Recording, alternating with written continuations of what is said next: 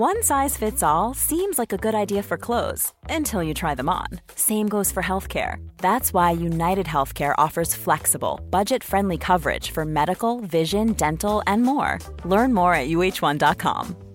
Quality sleep is essential. That's why the Sleep Number Smart Bed is designed for your ever evolving sleep needs. Need a bed that's firmer or softer on either side? Helps you sleep at a comfortable temperature? Sleep Number Smart Beds let you individualize your comfort so you sleep better together. JD Power ranks Sleep Number number 1 in customer satisfaction with mattresses purchased in-store. And now, save 50% on the Sleep Number limited edition Smart Bed for a limited time. For JD Power 2023 award information, visit jdpower.com/awards. Only at a Sleep Number store or sleepnumber.com. Ever catch yourself eating the same flavorless dinner three days in a row? Dreaming of something better? Well, HelloFresh is your guilt-free dream come true, baby. It's me, Kiki Palmer. Let's wake up those taste buds with hot, juicy pecan-crusted chicken or garlic butter shrimp scampi. Mm. Hello Fresh. Stop dreaming of all the delicious possibilities and dig in at HelloFresh.com. Let's get this dinner party started.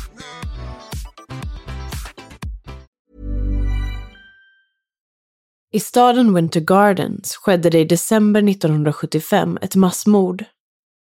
Fyra personer sköts och misshandlades till döds i en lokal möbelbutik. Tre av dessa var fru och svärföräldrarna till ägaren av möbelbutiken, Tommy Ziegler, som själv kommit till skada i butiken den här kvällen. Tommy beskrev det som att han befann sig i butiken som var mörklagd när han blev påhoppad och misshandlad, för att sen få tag på sitt vapen och lyckas skjuta någon. När Tommy körs iväg till sjukhuset och poliserna påbörjar sin utredning så kommer de fort fram till sin slutsats. Tommy ljuger. Men varför? Det här blev början på ett fall som än idag, i mångas ögon, inte har fått sitt avslut. Det här är del två av fallet kring Tommy Ziegler.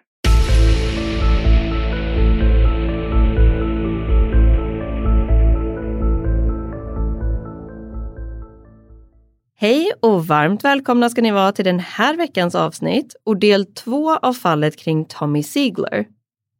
Och precis som förra gången när vi hade ett uppdelat fall så är det alltid bra att friska upp minnet lite grann kring vad vi gick igenom i del 1. Vi kommer dock bara att göra en kort sammanfattning, så om du inte har lyssnat på del 1 redan så rekommenderar vi att du först lyssnar igenom det avsnittet för att kunna hänga med bättre i den här delen. Yes, och precis som förra gången så ger vi er alltså en kort sammanfattning och sen spelar vi återigen upp de sista minuterna av del 1 innan vi går direkt vidare in i del 2. Så här kommer en kort summering från förra veckans avsnitt. William Thomas Ziegler Jr, även kallad Tommy, föddes den 25 juli 1945 och växte upp i en medelklassfamilj i Winter Gardens, Florida. En ganska idyllisk stad enligt många beskrivningar. Hans pappa var William Thomas Ziegler Sr och hans mamma var Beulah Ziegler. Tommy hade inga syskon. Familjen hade det bra ekonomiskt eftersom de hade en möbelbutik som hette W.T. Zieglers som hade startat 1939. Något som också kan vara bra att veta kring USA på den här tiden är hur segregerat det var mellan svarta och vita människor. Rasism fanns det gott om och svarta och vita levde vid den här tidpunkten väldigt segregerat. Tommys föräldrars butik var den allra första butiken som erbjöd kredit till svarta personer i området. När Tommy blev äldre så genomförde han militärtjänst och återvände sedan till sin hemstad för att vara sina föräldrar behjälplig med butiken. När Tommy sen var i tidiga 20-årsåldern så träffade han sin stora kärlek Eunice. Eunice hade växt upp med sin pappa, Perry Senior, sin mamma, Virginia, och sin bror, Perry Jr. Tommy och Eunice gifte sig år 1967 och bodde i ett stort hus på Temple Grove Road tillsammans med sin hund och sina fem katter. Tommy hade gjort bra ifrån sig i livet och år 1975 när han var 30 år gammal så var han en samhällspelare i området och hade en förmögenhet på cirka en miljon dollar. 24 december 1975 hände sedan någonting som skulle förändra Tommys liv för alltid. Tommy hade en del leveranser att göra innan det var dags att åka med Eunice till en julfest som de var bjudna till. Han skulle få hjälp med att fixa det här av en person som hade arbetat för familjen Ziegler i cirka tio års tid. En svart man vid namn Ed Williams. När Tommy och Ed kom till möbelbutiken så åkte Ed för att parkera bilen och Tommy gick in i butiken i förväg. När Tommy kom in i butiken så var det kolsvart. Han hann sedan inte tänka mycket mer än så innan han fick ett hårt slag över huvudet. Därefter fick han flera slag och beskrev det som att han lyftes upp och kastades mot möbler och väggar. Tommy, som alltid bar pistol för skydd, lyckades avfyra skott mot sin angripare innan han själv blev skjuten i magen. När han vaknade upp igen så var det dödstyst. Han lyckades släpa sig till en telefon och väl där så ringde han efter hjälp. När polisen väl kom dit så kördes en skadad Tommy iväg till sjukhuset medan poliserna undersökte platsen. Man hittade då fyra personer döda i lokalen. Dessa fyra var Tommys fru Eunice, Tommys svärföräldrar Virginia och Perry samt en man vid namn Charlie Mays. Ansvarig utredare kom efter att ha gått igenom brottsplatsen fram till en slutsats. Tommys utsaga om kvällen gick inte ihop. Tommy greps den 29 december, sittandes i sin sjukhussäng. Därefter började en rättegångsprocess som inte kan kallas mer än orättvis. Det var både bevismaterial och vittnen som inte försvarssidan fick ta del av. En jävig domare och en olämplig jurysituation. Rättegången pågick under totalt fyra veckor och den 2 juli 1976 kom juryn tillbaka till rättssalen och levererade beskedet. Tommy var skyldig. Juryns rekommendation var att han skulle dömas till livstids fängelse. Och nu kan man väl säga att den fjärde oturliga saken händer under rättegången. Det är nämligen så att just den här dagen så tas ett beslut i Högsta domstolen om att återinföra dödsstraffet i Florida något de ett par år tidigare hade beslutat om att inte längre utföra. Maurice, som mottar juryns förslag på livstidsfängelse, väljer att presentera det så här för Tommy. Lagarna i den här staten tillåter dödsstraff vid överlagt mord. Bevisen i det här fallet kräver det. Maurice valde därför att gå emot juryns förslag vilket han får göra, men som är högst ovanligt att man väljer att göra. Och han dömer istället Tommy till döden. I samband med det här uttalandet så sprang Irma Brickle gråtandes ut från rättssalen. Förra gången så fick ni en överblick av själva rättegången. Idag kommer vi att ta och kika på bevismaterialen som faktiskt fick Tommy dömd och här kan det bli lite förvirrande, men eftersom att försvaret inte fick ta del av allt material i tid, så är det mycket som har framkommit senare. Tommy har vid mer än ett tillfälle varit nära att hans dödsstraff har verkställts. Och första gången var den 19 maj 1986, när Tommy var planerad att avrättas. Vid det här laget så hade Tommy suttit tio år på Death Row. De lyckades då stoppa allting i sista stund genom att hans egen försvarsadvokat, Terry, lämnade in information om att Tommy hade haft ett otillräckligt försvar. Så han offrade sig själv kan man säga i syfte att kunna rädda Tommy. Och det här försöket lyckades och med hjälp av lagen Freedom Act kunde de också kräva ut och få ut allt material i Tommys fall. De hittade då flera bevis som de aldrig tidigare hade fått ta del av och det här är också vad de aktivt jobbat vidare med. Så jag tänker att jag kan gå igenom de tyngsta bevisen från rättegången och sen kan vi diskutera dem lite utifrån vad vi vet idag. Så först och främst har vi ju våra två vittnen och det som någonstans blev tyngden i åklagarens fall. Ed Williams och Felton Thomas. Under åren som har gått så är det många som har ifrågasatt de här vittnesmålen.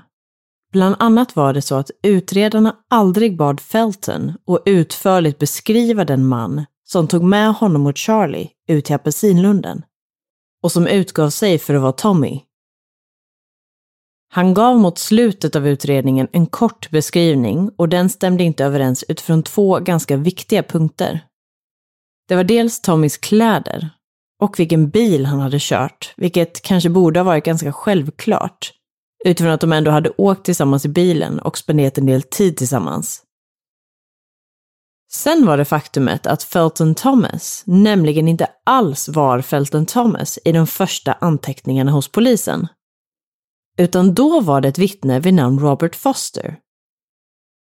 Flera av de saker som den här Robert Foster till en början hade vittnat om var dessutom saker som under rättegången sades av Felton Thomas. Han ska bland annat ha känt Charlie Mays för att ha spelat softball tillsammans. Han skulle följa med Charlie och skaffa en TV och när de kom in i butiken så ska de ha sett en död kvinna på golvet och Charlie ska då ha skrikit åt honom att ta sig därifrån.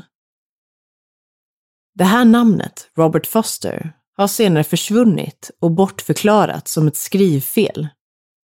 Men det var ändå ett namn som florerade i flera anteckningar och som tidningen Orlando Sentinel faktiskt skrev flera artiklar om, där de beskrev honom som ett huvudvittne. Om nu vittnet i fråga inte hette Robert Foster, så kan man ju kanske tänka att polisen borde ha reagerat på tidningens felaktigheter, vilket inte gjordes. Privatdetektiven Lynn Marie Cardy, som är något av en drivande person i att Tommy ska frias, fick nys om det här fallet genom att hon läste en bok som heter Fatal Flaw. Den här boken är skriven av Philip Finch år 1991 där han i princip klargjorde för varför han ansåg att Tommy var oskyldig. Hon valde sedan att gå vidare i sökandet efter sanningen och tyckte bland annat att det här med Felton Thomas och det så kallade skrivfelet verkade oerhört konstigt, så hon ville därför undersöka saken vidare. Hon fick också reda på att två andra verksamheter som låg på andra sidan gatan från möbelbutiken hade blivit utsatta för rånförsök samma kväll som händelserna i möbelbutiken. Hon ansåg då att det här var alldeles för osannolikt för att vara ett sammanträffande och fick kontakt med dottern till kvinnan som under den här kvällen hade arbetat på en mack som blivit rånad i anslutning till Siglers möbelbutik. Hon uppgav då att hon hade varit med sin mamma på jobbet den här aktuella kvällen och att en svart man hade försökt råna dem men att hennes mamma hade försökt ta vapnet och börjat skrika åt honom och han hade då flytt platsen. De hade i efterhand pratat om gärningsmannen och beskrev honom som en artig rånare, på så vis att han tilltalade mamman som ma'am. De sa också att han var väldigt lik skådespelaren Michael Clark Duncan, som bland annat spelade den dödsdömde fången John Coffey i filmen The Green Mile, eller Den gröna milen. Lynn Marie satte sig därför ner med en bild av skådespelaren och gick igenom samtliga personer som hade belastningsregister och kunde ha befunnit sig i området vid tidpunkten för rånet. Till slut hittade hon en man som verkligen liknade den här skådespelaren. En man som hade begått flera rån, bland annat mot möbelbutiker, där han hade försökt stjäla tv-apparater. En man som hade blivit frigiven i juli 1975 och då kommit till Orange County. En man vid namn Robert Foster. Vad gäller Charlie Mays så finns det bland annat en intervju med ställföreträdande polischefen som jobbade vid den här tidpunkten. En man vid namn Lee McEachern. Han har alltid varit osäker på Tommys skuld och något som han inte får ihop är vittnesmålen från Felton Thomas angående just Charlie Mays för om nu Charlie hade besökt butiken för att köpa en TV, hade det då inte varit smidigast att parkera sin bil i anslutning till entrén eller bakdörren av butiken för att slippa bära den allt för långt? Charlies bil stod istället på parkeringen som tillhörde Winter Garden Inn, som låg bredvid möbelbutiken. Hans bil söktes heller aldrig igenom Lee har också uttalat sig om att en hel del bevismaterial aldrig analyserades eftersom man redan från början hade bestämt sig för att Tommy var skyldig. År 1982 så valde också en man vid namn Ed Rowe att lämna ett vittnesmål eller en så kallad affidavit där han berättade att han hade pratat med Charlies son. Sonen i fråga ska då ha sagt något i stil med att hans pappa hade lämnat hemmet den kvällen med en pistol och sagt att de skulle ha pengar till jul. Han ska också ha sagt, min pappa skulle inte ha dött den här natten. Det var Tommy som skulle. Det här uttalandet nekar Charlies son självklart till att ha gjort. Sen har vi då Ed Williams, mannen som kände Tommy väl och som hade arbetat för hans familj under en längre tid. Det fanns saker i hans vittnesmål som inte riktigt stämde överens. Bland annat så sa han att han hade behövt klättra över ett stängsel eller staket för att fly undan. Man undersökte skorna han lämnade in. De var nya och skinande rena. Inte ett skrapmärke på, vilket kan tyckas anmärkningsvärt om man hade klättrat över ett stängsel. Sen har vi ju det faktum att han skulle ha fått den nyligen avlossade pistolen av Tommy och lagt den i sin byxficka. Hans byxor testades och det fanns som sagt inga spår alls från pistolen i hans ficka. Det fanns också vittnen som hade sett Ed när han kom in på restaurangen och bad om att få låna telefonen. De hade kunnat beskriva vad han hade haft på sig. Kläder som inte matchade de som hade lämnats in till polisen. En annan intressant detalj i både Ed och Feltons vittnesmål är också att ingen av dem beskriver eller uppger sig ha reagerat på att Tommy skulle haft blod på sig. Något som vore ganska konstigt eftersom att Tommy vid det här laget ska ha dödat tre personer. Dels sin egen fru och sina svärföräldrar. Och han ska även ha varit i ett fysiskt slagsmål och misshandlat en av dem. När Ed åker med Tommy till butiken så ska ju Tommy även ha mördat Charlie så då är det fyra personer och man vet att Charlies blod fanns på hans tröja när polisen hittade Tommy. Så det är ju lite knepigt kan man tycka. Det visade sig också vid vidare djupdyk att Robert Foster, det så kallade stavfelet, Charlie Mays och Ed Williams ska ha känt varandra. De ska alla ha spelat i samma softbollag.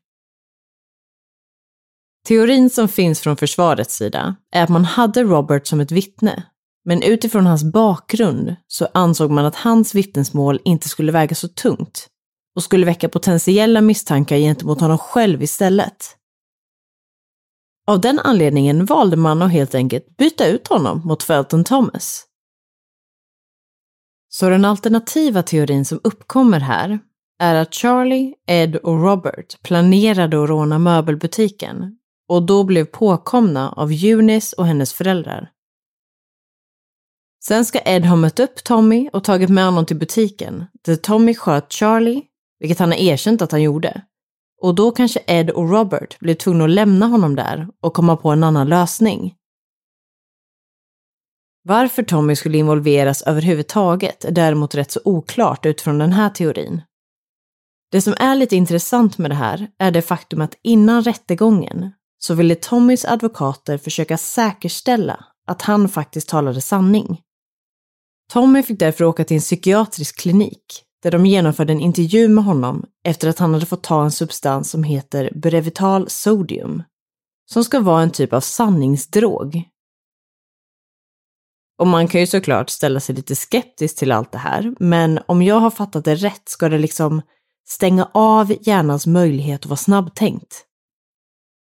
Därav blir det svårare att tänka ut alternativa svar och därför säger personen i fråga sanningen. Tommy berättade då exakt samma version som tidigare. Men han mindes också att han hade hört en person säga Mace har blivit skjuten. Vi måste göra oss av med honom. Charlies dödsorsak var inte det skottet som hade avlossats av Tommy, utan det var misshandeln mot huvudet. I samband med att försvaret fick allt material från utredningen, mer än tio år efter morden, så hittade man också vittnesmål som inte stämde överens med det som åklagaren hade presenterat. Vittnesmål som hade kunnat hjälpa försvaret, men som redan under polisutredningen negligerades. Bland annat hittades ett inspelat band där man kan höra ett vittne prata i telefon med en utredare i fallet. Vittnet beskriver då att han bodde på ett motell som låg bredvid möbelbutiken och att han vid klockan 20.30 ska ha sett en polis med sitt tjänstevapen draget utanför butiken. Runt klockan 21.00 ska han ha hört skott avlossas. Det här stämmer inte överens med tidsramen för hur åklagare påstår att saker ska gå till. Och försvaret undrar nu om det kan ha varit så att det fanns poliser som var delaktiga i att sätta dit Tommy. För Tommy ringde som sagt till polischefen klockan 21.18. Utredaren säger på slutet av inspelningen att om du nu hörde skotten efter att polisen var på plats så hjälper det inte oss.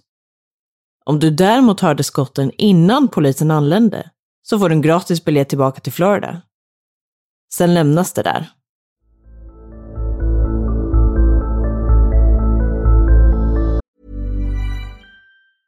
Life is full of awesome what ifs, and some not so much, like unexpected medical costs. That's why United Healthcare provides Health Protector Guard fixed indemnity insurance plans to supplement your primary plan and help manage out of pocket costs. Learn more at uh1.com. If you're looking for plump lips that last, you need to know about Juvederm lip fillers. With Juvederm Volbella XC and Juvederm Ultra XC, your lip look, whether it's subtle or bold, can last up to one full year with optimal treatment and no additional maintenance. Find a licensed specialist and see if it's right for you at juvederm.com today. That's J U V E D E R M.com. Add fullness to lips in adults over 21 with Juvederm Volbella XC or Juvederm Ultra XC. Do not use if you have severe allergies or a history of severe allergic reactions, or if you're allergic to lidocaine or the proteins used in Juvederm. Tell your doctor if you have a history of scarring or taking medicines that decrease the body's immune response or that can prolong bleeding. Common side effects include injection site redness, swelling, pain, tenderness, firmness, lumps, bumps, bruising, discoloration, or itching. As with all fillers, there's a rare risk of unintentional injection into a blood vessel, which can cause vision abnormalities, blindness, stroke, temporary scabs, or scarring. For full important safety information, visit juvederm.com.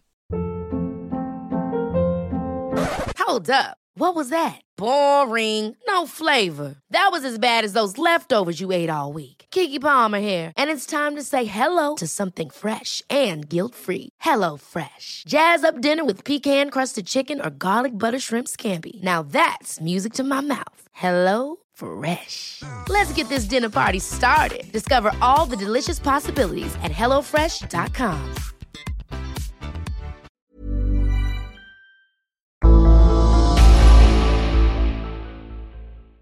Det fanns också ett par som hette Ken och Linda Roach som körde förbi möbelbutiken runt klockan 19.20 den här kvällen. Och de ska efter morden ha kontaktat polisen för att berätta vad de såg. De hade nämligen hört vad de trodde var raketer, eller smällare, och vänt sig om för att se efter. De såg då fyra bilar som stod parkerade utanför möbelbutiken och en svart man som gick mot entrédörrarna av butiken. Paret kontaktade polisen när de ett par dagar senare insåg vad det var som hade hänt där. De fick då till svar att deras information inte behövdes och att de i sånt fall fick vända sig till Tommys advokater. Polisen vägrade dock att ge dem några kontaktuppgifter. Tyvärr gick Ken och Linda inte vidare med sin information för 1979, alltså tre år efter att Tommy väl hade dömts. Och då lyckades de via Tommys föräldrar få kontakt med hans advokat Terry. De fick också genomgå lögndetektortest som de klarade. Blodet var också en stor del i det här fallet och under rättegången så hade försvaret tagit in en fotavtrycksexpert från FBI för att analysera det blodiga skoavtryck som fanns på brottsplatsen i närheten av Perrys kropp. Det var ett skoavtryck med en ripplad sula, vilket även Tommys loafers hade som han bar under den här kvällen.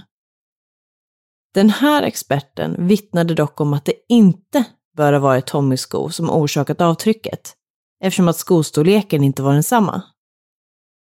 Sen hade åklagaren tagit in sin egen expert. Det här var en man vid namn Herbert Leon McDonald. En kriminolog som utbildade just blodanalyser i New York. Den här mannen var också den person vars utbildning polisen Don Fry hade genomgått något år tidigare. Herbert delade inte FBI-expertens åsikt om skoavtrycket. Han vittnade om att han hade tagit kopior av Tommys skor och jämfört med det blodiga avtrycket. Och han ansåg att det sannolikt var en match.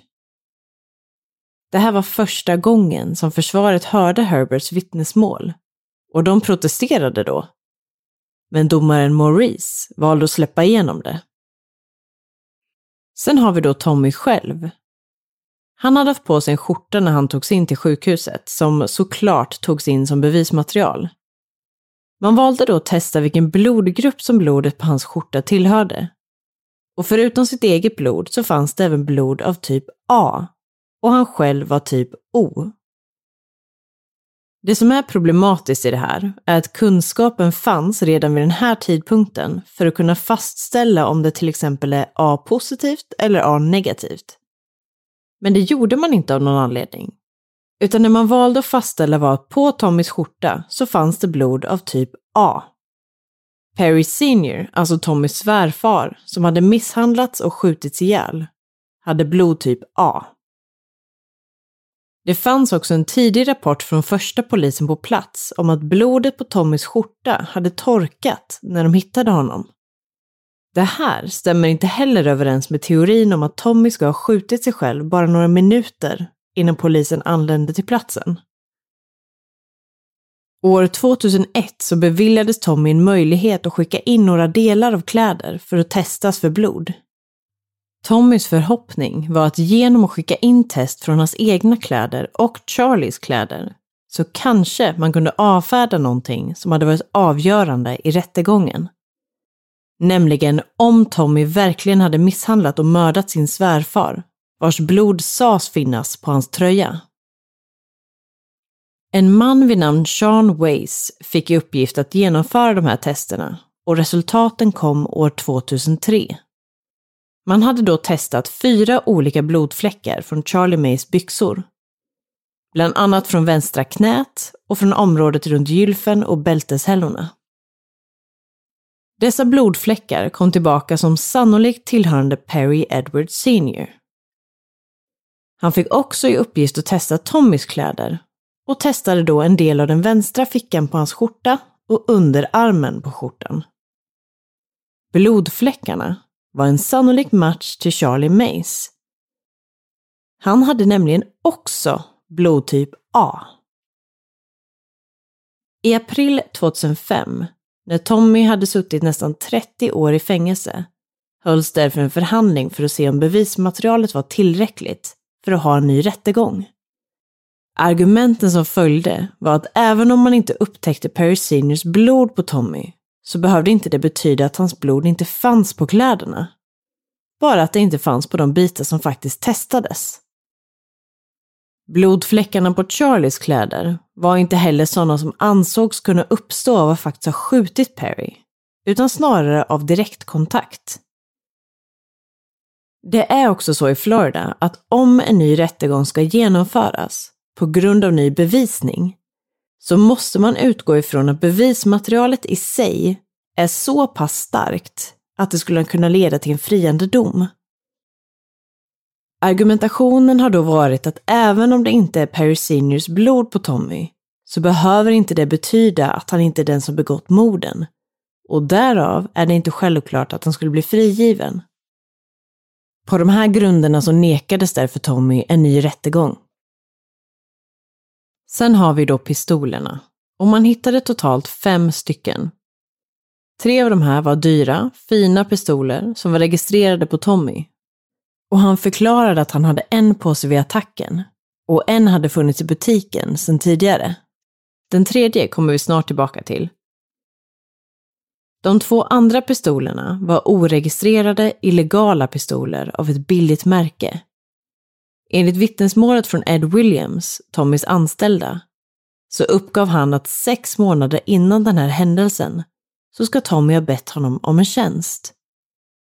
Den här tjänsten var att införskaffa två pistoler åt honom och att de skulle vara omöjliga att spåra. Något som Ed då hade gjort. Mannen som Ed hade köpt pistolen av vittnade nämligen om det här under rättegången. Mannen i fråga förklarade att de var till Tommy, men att köpet hade genomförts av Ed. Det här är däremot någonting som Tommy nekar till. Den pistolen som Ed gav till polisen och uppgav att Tommy hade gett honom under mordkvällen var den tredje pistolen som Tommy ägde. En pistol som brukade ligga i hans bil, men som enligt Tommy hade försvunnit en tid innan. Det här var pistolen som Perry Senior och hans fru Virginia hade blivit skjutna med. Försvaret påtalade redan under rättegången det faktum att den enda personen som kan spåras till de oregistrerade vapnen var Ed.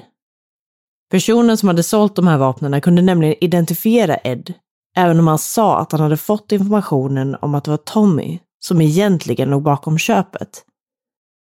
Vidare så var det ju Ed som hade lämnat över mordvapnet till polisen. En annan sak som försvaret lyfte var det motstridiga i att Tommy ska ha jobbat ihop en så pass komplicerad plan. Lura iväg personer för att skjuta vapen i en apelsinlund för att få deras fingeravtryck. Men när polisen väl fann vapnen så var samtliga avtorkade för att dölja eventuella fingeravtryck. Det förstör ju hela upplägget av Tommys så kallade plan. Det finns ju såklart, som i de allra flesta fall, två olika läger. Vissa tror att Tommy är skyldig, oavsett om han fick en rättvis rättegång eller inte. Vissa anser däremot att han är helt oskyldig. En av de som anser att han är helt oskyldig och som skulle kunna beskrivas som lite av en eldsjäl i det här fallet är den tidigare nämnda privatdetektiven Lynn Marie Cardy. Hon driver en hemsida dedikerad till fallet som heter TommySieglerIsInnocent.com. Där presenterar hon all den fakta som hon har kunnat få fram genom åren och hon har bland annat varit delaktig i att få fram en hel del viktig information. Bland annat informationen rörande Robert Foster som jag nämnde. På den här hemsidan finns mängder med information som jag sa i den första delen så är det här ett tappert försök att i ett tvådelat avsnitt försöka sammanfatta ett fall som sträcker sig över mer än 45 års tid. Det här innebär alltså att det finns så otroligt mycket mer information att hämta där ute om man nu vill. Sen ska man såklart alltid hålla sig lite skeptisk, för hon är ju helt inne på Tommys oskuld. Och det kanske vi också är, men det gör ju ofta att informationen ibland kan vinklas mer åt det hållet. Jag har därför valt att också läsa in mig på så många domar och andra juridiska dokument kopplat till det här fallet som jag har kunnat hitta. Och det har jag gjort för att kunna känna mig trygg i att man inte helt och hållet baserar informationen på en person som inte heller kanske är helt objektiv. Men en sak som Lynn Marie har gjort är att hon har valt att presentera en annan person som hon anser är den egentliga gärningsmannen. Nämligen Junis bror och Tommys svåger, Perry Jr. Tommy har nämligen berättat för Lynn Marie att Perry Senior och Virginia hade bett Tommy och Eunice att ta över deras ägor i samband med att de avled. Något som inte framkom under rättegången var värdet på de här ägorna, men man kunde senare se att Perry Jr ärvde cirka 3,3 miljoner dollar efter sina föräldrar och sin systers död.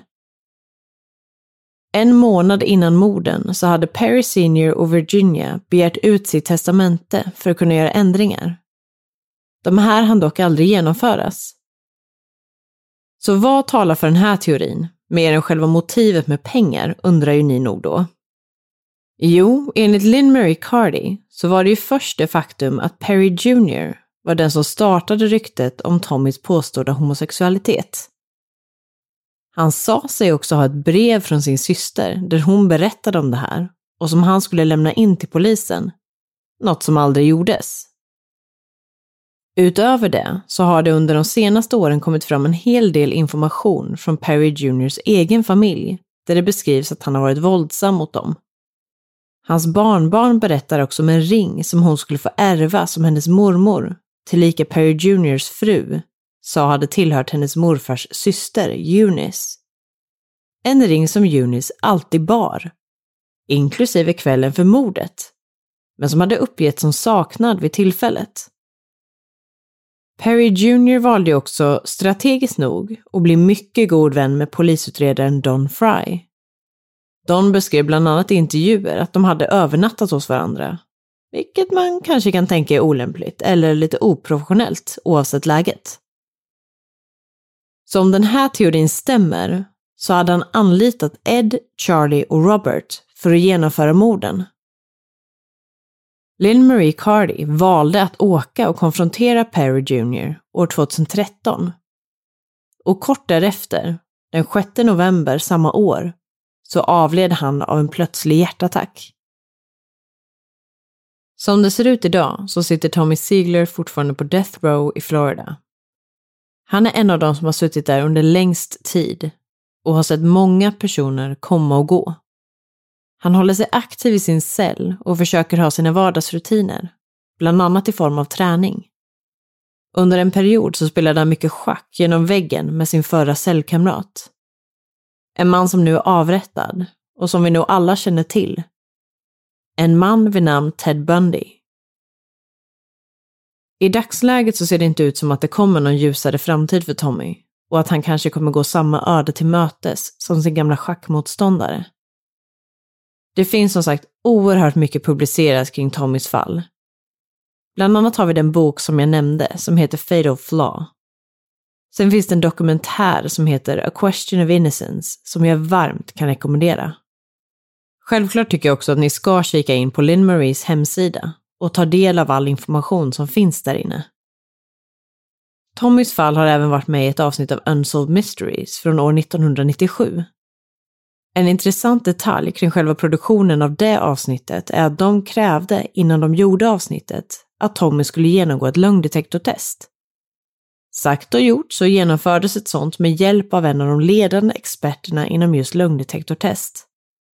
Det här testet visade att Tommy talade sanning om vad som faktiskt hände under den här kvällen i december 1975.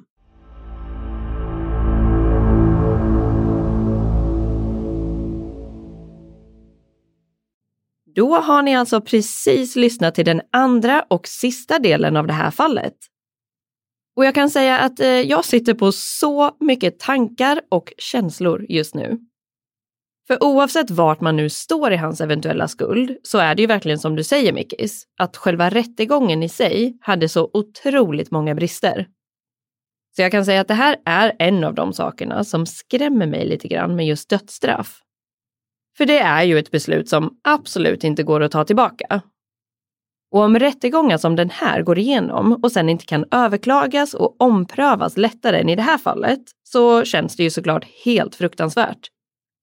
För man måste ju verkligen vara helt hundraprocentigt säker på att man har rätt person om man nu ska utfärda ett sånt här typ av straff. Men även då så är ju frågan om man någonsin kan vara tillräckligt säker och om det i slutändan kan rättfärdiga att man faktiskt dödar en människa oavsett vad den personen nu har gjort. Ja, det här är ju en så himla stor och laddad fråga att diskutera verkligen. Och när jag researchade det här fallet så kände jag mig så otroligt säker på att Tommy var oskyldig. Jag lutar fortfarande åt det. Och det är så hemskt att se intervjuer med honom nu på senare år. Han är en skör gammal gubbe som under alla dessa decennier står fast vid sin historia. Ponera nu att han är oskyldig. Han har då spenderat nästan två tredjedelar av sitt liv i fängelse, på Death Row, för mordet på några av de personer som han älskade mest i världen. Han förlorade allt och ändå sa han efter alla dessa år inte gett upp om att få rättvisa skipad. Ja, och man kan ju faktiskt inte låta bli att undra hur pass många liknande historier det finns där ute.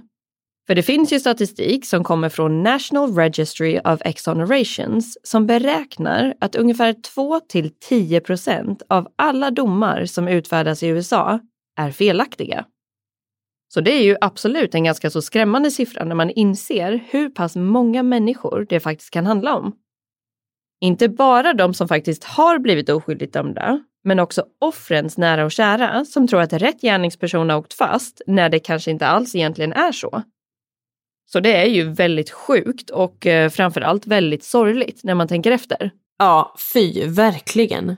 Men gällande just det här fallet, ni som vill ta och läsa på mer, för tro mig, det finns så mycket mer som vi inte ens har kunnat ta upp i våra avsnitt här. Så finns det några ställen ni borde kolla vidare på. Först och främst så har vi hemsidan TommySieglerIsInnocent.com, som jag har nämnt under avsnittets gång. Där får man en väldigt bra inblick i fallet och det är också en sida som kontinuerligt uppdateras. Sen har vi tidningen Tampa Bay Times poddserie Blood and Truth som har gjort flera avsnitt om Tommy och även intervjuat honom. Och sen har vi också filmen eller dokumentären A Question of Innocence. Sen finns det såklart mycket annat, men de delarna är en superbra grund för att sätta sig in mer i fallet. Men nu har det nog blivit dags för oss att runda av här, men nästa vecka är vi tillbaka igen och då med ett fall som inte är uppdelat i två delar. Även om man kanske kan önska att det var det för att man skulle kunna få lite fler svar. Men tills dess får vi helt enkelt säga tusen tack för att just du har valt att lyssna på det här avsnittet av Rysapodden.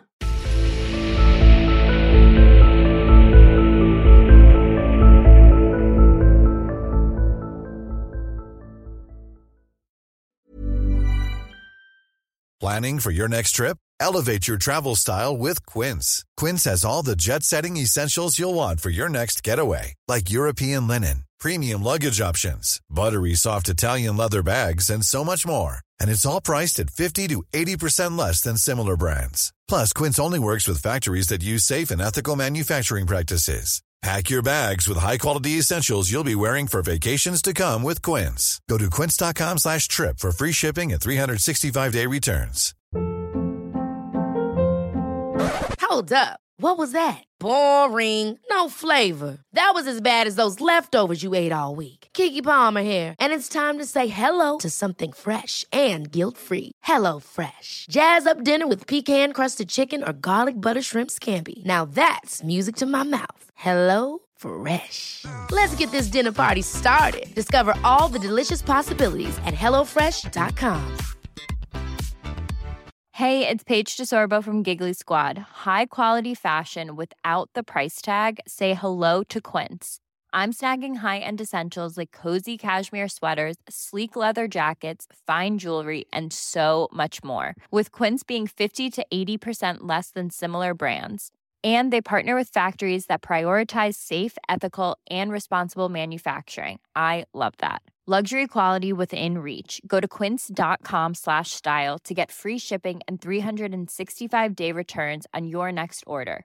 Quince.com slash style.